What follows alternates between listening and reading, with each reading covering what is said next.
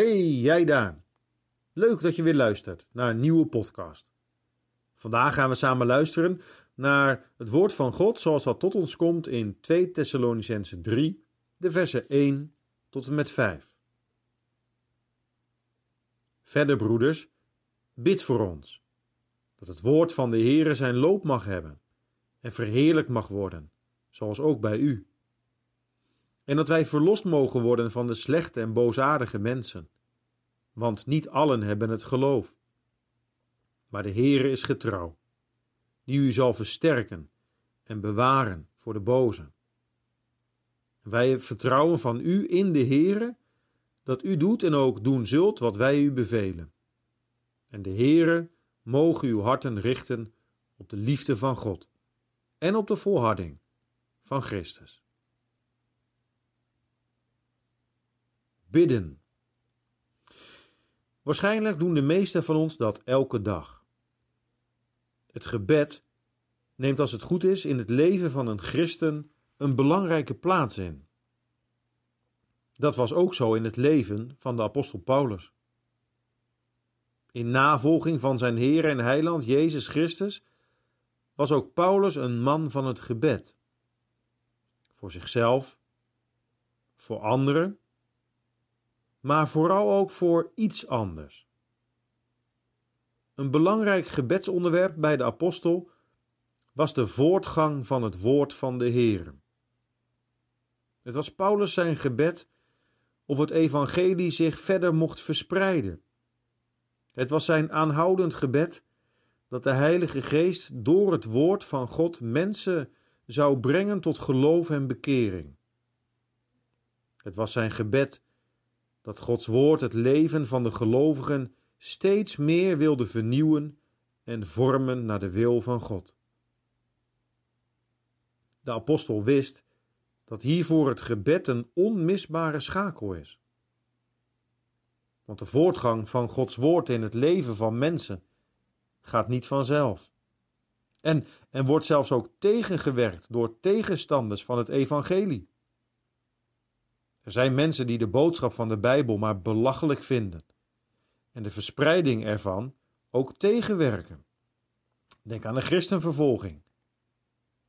De apostelen hadden daar ook mee te maken. En Paulus roept hen daarom op om aanhoudend voor hen te bidden. Bid voor ons, zo schrijft hij aan de Thessalonicenzen. Bid voor ons, dat het woord van de Heere zijn loop mag hebben. Bid voor ons, dat wij verlost mogen worden van slechte en boosaardige mensen. Op zijn beurt bad de apostel ook voor de gelovigen in Thessalonica. En zo hebben we ook gelezen. Hij bad of de Heer ook hen wilde versterken en wilde bewaren voor de boze. De apostel vroeg dit van de Heere in het vaste vertrouwen dat de Heere zijn gebeden zou verhoren. Zo schrijft hij namelijk: Wij vertrouwen van u in de Heere. Misschien vraag je je wel af waar de apostel dit vertrouwen op baseert. Nee, inderdaad. Er was niets in de Thessalonicense zelf op basis waarvan Paulus vertrouwen zou hebben in een goede afloop. Integendeel. Paulus vertrouwt erop dat de gelovigen in Thessalonica het vol zullen houden. Waarom? Omdat God zelf de getrouwe is. God zelf heeft hun levens veranderd door zijn liefde. God zelf heeft ervoor gezorgd dat zij in Christus zijn gaan geloven als hun verlosser. En zou de Heere, die trouw is, zou hij dan zijn werk, dat wat hij begonnen is, niet afmaken? Natuurlijk wel. Hij is de getrouwe. Wat mag dat voor u en jou en voor mij, wij die geloven in God en het verwachten van de volharding van de Heer Jezus Christus in onze plaats bemoedigend zijn?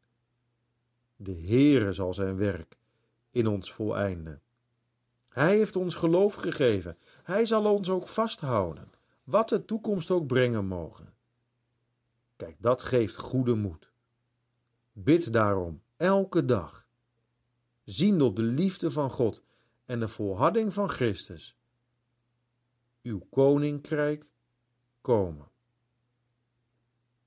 Zullen we samen bidden?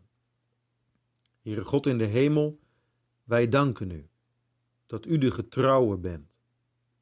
Dat u dat de geschiedenis door heeft laten zien. En heren, we, we vragen u, wilt u ons vasthouden in het geloof? Wilt u, heren, onze harten richten op de liefde van u en op de volharding van de Heere Jezus Christus? En laat zo uw koninkrijk komen. We bidden het u in de naam van uw geliefde Zoon, onze Heere Jezus Christus. Amen.